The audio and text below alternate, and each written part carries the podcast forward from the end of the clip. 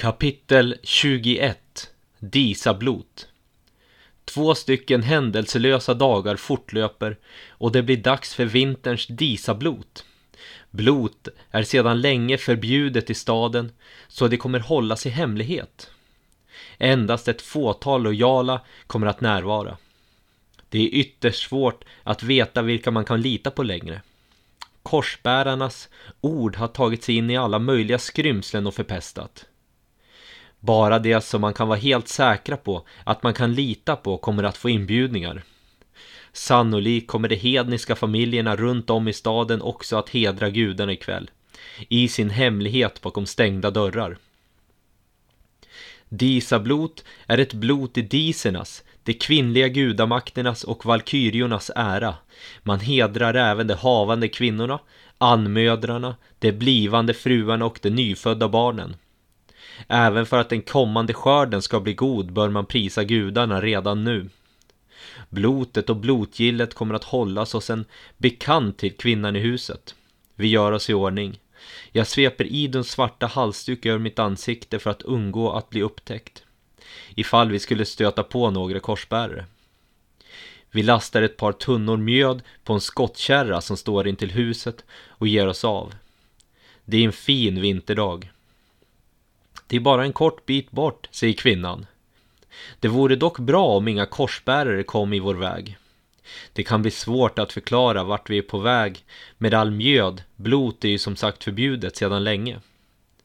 Vi går i rask takt. Skottkärrans smala hjul skär enkelt genom den porösa snön. Hjulet lämnar ett smalt slingrande spår efter oss. Vi tittar oss omkring hela tiden. Inte en enda korsbärare syns till. Det har synts allt mindre runt om i staden efter kyrkobranden. Kvinnan leder oss fram till ett stort och ståtligt timmerhus. På taket ligger ett tunt snötäcke och på dörren är en stor och välgjord valknut uthuggen. En valknut representerar de nio världarna. Asgård, Vanaheim, Juttunheim, Midgård, Alfheim, Svartalfheim, Muspelheim, Nifelheim och Helheim. Det är en hednisk symbol. Man kan fråga sig varför korsbärarna inte har förstört den. Det förstör ju allt annat hedniskt. Det kanske helt enkelt respekterar vissa symboler och gamla gudar för mycket. Kvinnan går fram till dörren och knackar på. Först tre stycken hårda knackningar. Sedan väntar hon ett litet tag för att sedan knacka tre hårda knackningar igen. Det rasslar till i låset. Det är ett ovant ljud då de allra flesta hushållen saknar lås på sina dörrar. Dörren öppnas av en medelålders kvinna. Hon tittar sig noggrant omkring innan hon välkomnar oss försiktigt och vi kliver in. Mjödtunnorna har vi med oss. Hon stänger och låser dörren efter oss så fort vi kommer innanför tröskeln. Inne i huset är det en stor sal med två stycken långbord med långa gröna dukar som löper längs med dem. Borden är uppdukade med tomma fat och dryckeshorn. Vi är nog lite väl tidiga. Blotet börjar väl inte än på ett tag. På väggen längst in hänger det en väldig björnfäll. Endast ett fåtal personer är här. Det sitter alla och småpratar vid borden. Det märks att detta hålls i hemlighet. Ljudnivån är mycket låg. Nästan så att folk viskar till varandra. Salen är sparsamt upplyst med endast några facklor längs väggarna och några enstaka talgljus på borden. Vi sätter oss till bords och inväntar de andra blotgästerna. Tre knackningar, tystnad, tre ytterligare knackningar. Fler och fler trofasta hedningar kommer in i salen. Familjer, män, kvinnor och bland dem två stycken dvärgar. Det var mycket länge sedan jag såg en. Alla kommer in och slår sig ner vid borden. Efter ett tag så är borden nästintill helt fyllda. Ett fyrtiotal gäster har kommit. Snett emot mig sitter en ung vacker kvinna med långt blont hår och ljusblå ögon. Hon är klädd i en ljus lammfäll över axlarna som hålls ihop av en guldbrås på bröstet. Resten av hennes kropp täcks av bordet. Hon verkar vara här med en äldre man, sannolikt hennes far. Det är svårt att slita blicken från henne. Kvinnan som öppnade dörren och välkomnade oss går och ställer sig mitt i salen. Välkomna, säger hon upprymt men med en låg röst. Salen var nästan tyst innan, men nu blir den knäpptyst. Vi har samlats här för att hedra diserna och det ska vi göra. Det är märkliga tider, men vi måste göra det för att inte förlora kontakten med gudarna. Korsets män kan dräpa oss, slå oss och skrämma oss. Men det kan inte få oss att sluta tro på våra gudar och väsen och framförallt inte få oss att sluta med våra traditioner. Låt oss bara för ikväll glömma världen utanför och ge gudarna och oss själva ett värdigt blot, fortsätter hon, fortfarande med en låg röst. Det går inte bara att glömma världen utanför. Det märks mycket tydligt på alla här inne. Alla är livrädda att korsbärarna ska knacka på dörren. Hade allt varit som vanligt så hade blotet varit betydligt mer högljutt, mer upplyst, mer välbesökt och mer festligt. Skrammel hörs från en dörröppning som leder till ett inre rum i huset. Dörröppningen är märklig. Den saknar dörr helt och hållet och har istället ett draperi av tvinnade läderremmar som hänger tätt ihop. Ut ur dörröppningen, genom draperiet, kommer två män bärandes på en gudafigur som ser ut att vara uthuggen ur en stubbe. Det är Freja. Det ser man på det långa håret och halssmycket. Gudafiguren hålls sannolikt gömd i det inre rummet ifall korsbärarna skulle tränga sig in. Skulle de finna den så skulle de förstöra den direkt. De ställer ner den på en pall och nedanför den på golvet ställer de ner ett silverfat för blotgåvor. Framför er står nu Freja, kärlekens och fruktbarhetens gudinna, vanernas dis och ledare över valkyriorna, Njords dotter och Frejs syster, säger kvinnan som talade förut och pekar mot gudafiguren. Ni som har gåvor kan komma fram och ställa ned dem på silverfatet. Även ni som enbart vill prisa henne kan komma fram. Glöm dock inte att skänka en tanke till de andra disen och gudinnorna. Siv, Gefjon, Gerd, Jord, Skade, Eir, Frigg, Idun och de andra, fortsätter hon. Att blota till och hedra Freja kan vara bra om man vill försäkra sig om ett långt äktenskap, en lyckad förlossning eller god fruktbarhet.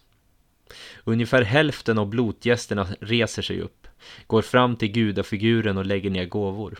Främst smycken, torkade örter, bröd och träfigurer. Den unga blonda kvinnan går fram och lägger ner några guldmynt på silverfatet. Hon är ganska kort. Hennes utsläppta hår är rakt och välborstat. Under den ljusa lammfällen har hon en ljusblå långklänning. Undrar vad hon har för några tankar när hon blotar, tänker jag. Minnena av jorden kommer allt mer sällan numera. Förut tänkte jag på henne hela tiden. Hennes ansikte är inte ens klart för mig längre.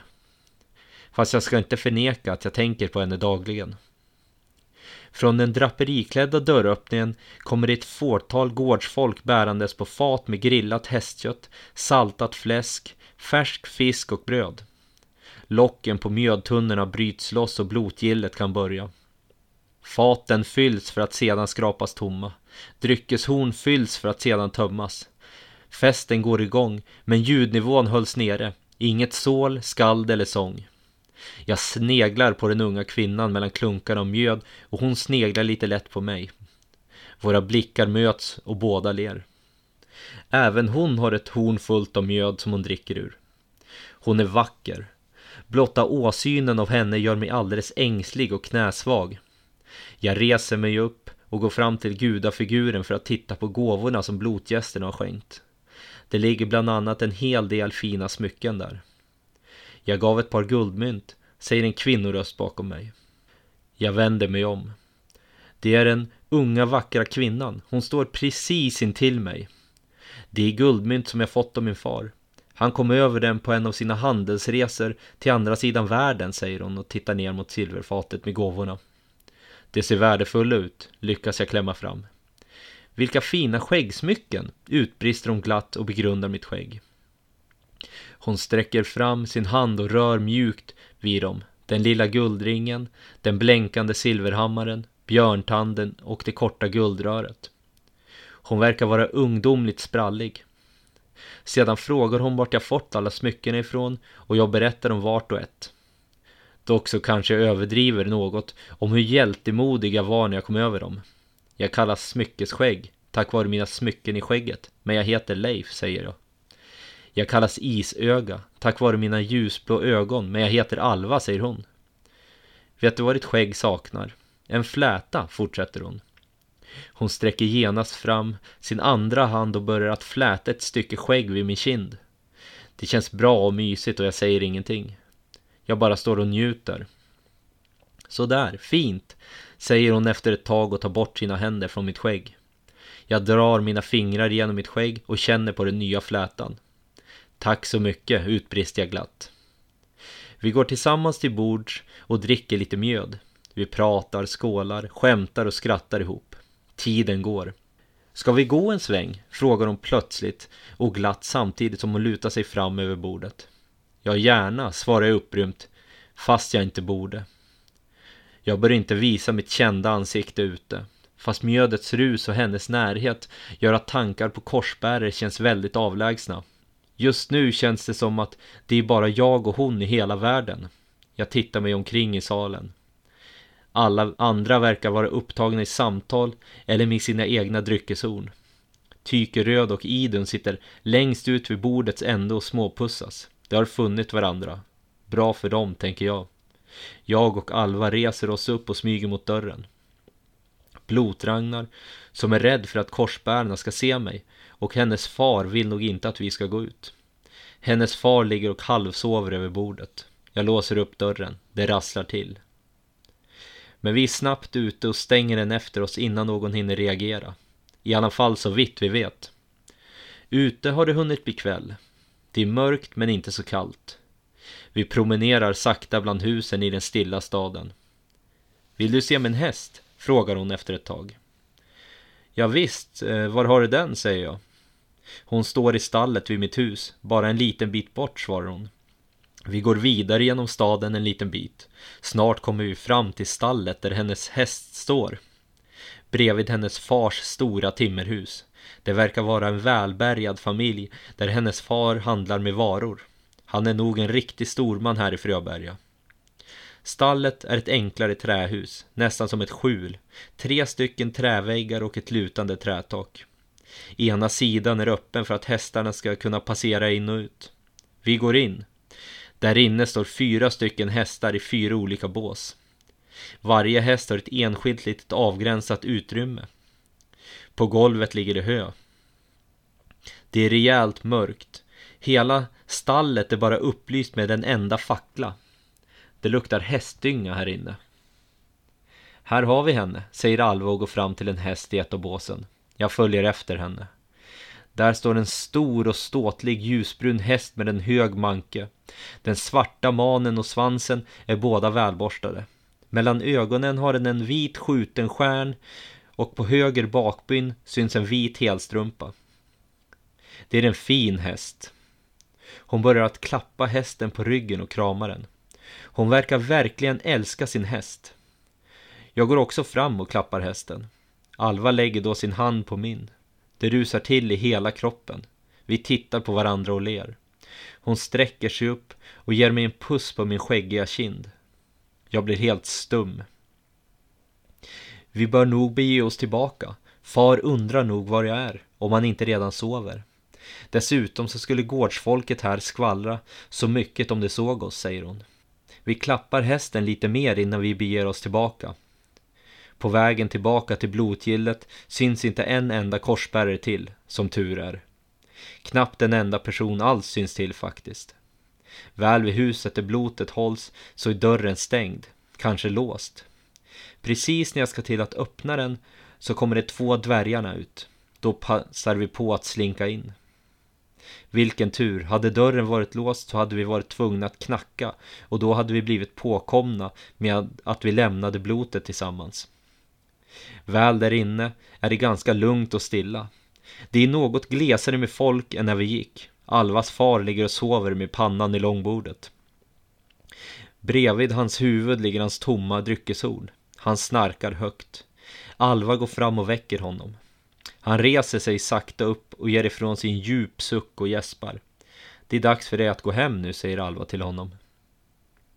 Hon hjälper honom upp och stödjer honom så att han inte ramlar. Det ser inte ut att vara första gången. Han har fortfarande sina ögon slutna, men ser ändå ut att stå ganska stadigt. När hon har försäkrat sig om att han kan stå upprätt utan att ramla så kommer hon fram till mig och kramar om mig. Om du vill ses imorgon så kom till stallet vid solnedgången, viskar hon i mitt öra. Jag tittar henne i ögonen och nickar i samförstånd. Vi ler mot varandra. Hon leder sin far genom salen och ut genom dörren. Jag känner mig alldeles upprymd.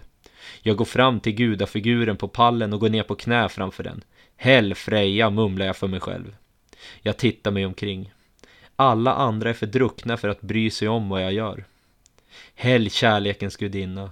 Du vet nog vad jag vill be dig om. Jag hoppas att du ser till att allting går väl för mig med Alva imorgon, mumlar jag och lägger min hand på gudafigurens panna. En kvick tanke på Jorun flackar förbi i mitt sinne. Jag brottas något med tanken av att lämna Jorun bakom mig. Jag reser mig upp igen. Tyke Röd och Idun syns inte till. Kanske de prisade Freja och hon har gett dem vad de bad om. Jag skrattar inombords. Jag går fram till Blotragnar och Torgrim som sitter och småpratar vid det ena långbordets ände. De är fulla båda två. De säger att kvinnan som vi övernattar hos gick för ett litet tag sedan. Jag häller upp ett horn och vi dricker ihop ett tag innan vi bestämmer oss för att bege oss hemåt. Vi sveper den mjöd som vi har kvar, tackar för oss och går. Vi går mot huset där vi övernattar. Vi är alla fulla och trötta. Skottkärran och tunnorna tar vi en annan dag. Inte en enda korsbärare syns till den här gången heller.